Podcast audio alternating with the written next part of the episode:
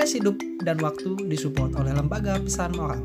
Waktu hidup seperti jam pasir. Setelah habis, habislah sudah. Apa yang telah kita lakukan untuk hidup ini?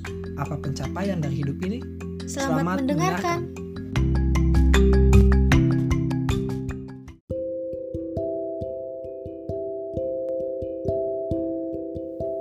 Pernahkah kita berpikir bahwa hidup ini harus dengan kenangan? Di balik kenangan ini nampaknya ada paradoks yang mengikat kita. Ada hal yang harus kita korbankan atau mau tidak mau harus kita lewati. Ini adalah paradoks kenangan.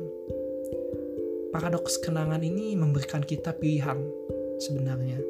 Pertama, kita membuat kenangan namun dengan konsekuensi mungkin ada peluang kita menderita atau ada keterikatan batin pada kenangan itu.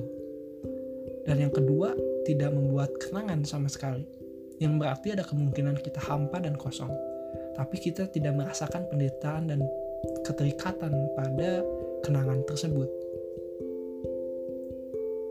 Tapi sebelum membahas dalam tentang paradoks ini, kita harus paham tentang kenangan itu apa.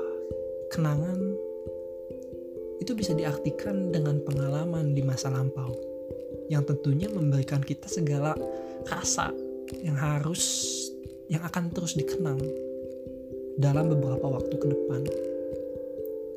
Ada tiga kondisi kenangan. Kenangan baik, kenangan buruk, dan juga kenangan netral. Kenangan baik memberikan pengalaman berupa rasa yang baik.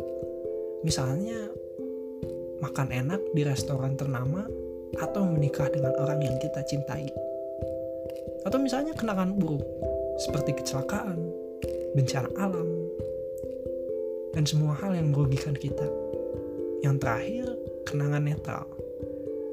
Yang artinya kenangan yang dilalui tanpa ada rasa positif atau negatif. Misalnya seperti bekerja. Atau misalnya belajar. Kembali ke paradoks.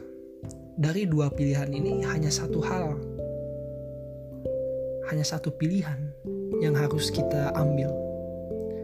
Membuat kenangan, tapi ada kemungkinan kita tersakiti atau tidak membuat kenangan sama sekali.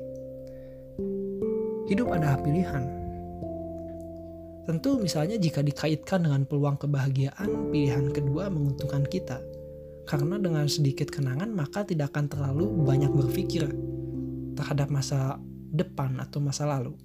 Namun jika kita kaitkan dengan peluang berkembang, misalnya dengan kenangan kita akan belajar dari sana, bisa mengambil makna dari sana, maka pilihan pertama adalah yang terbaik.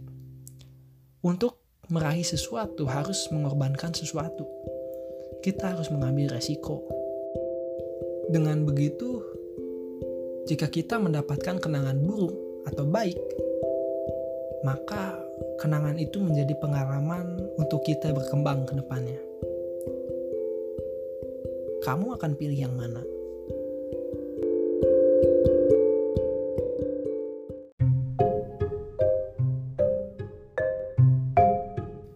Hai, terima kasih telah mendengarkan.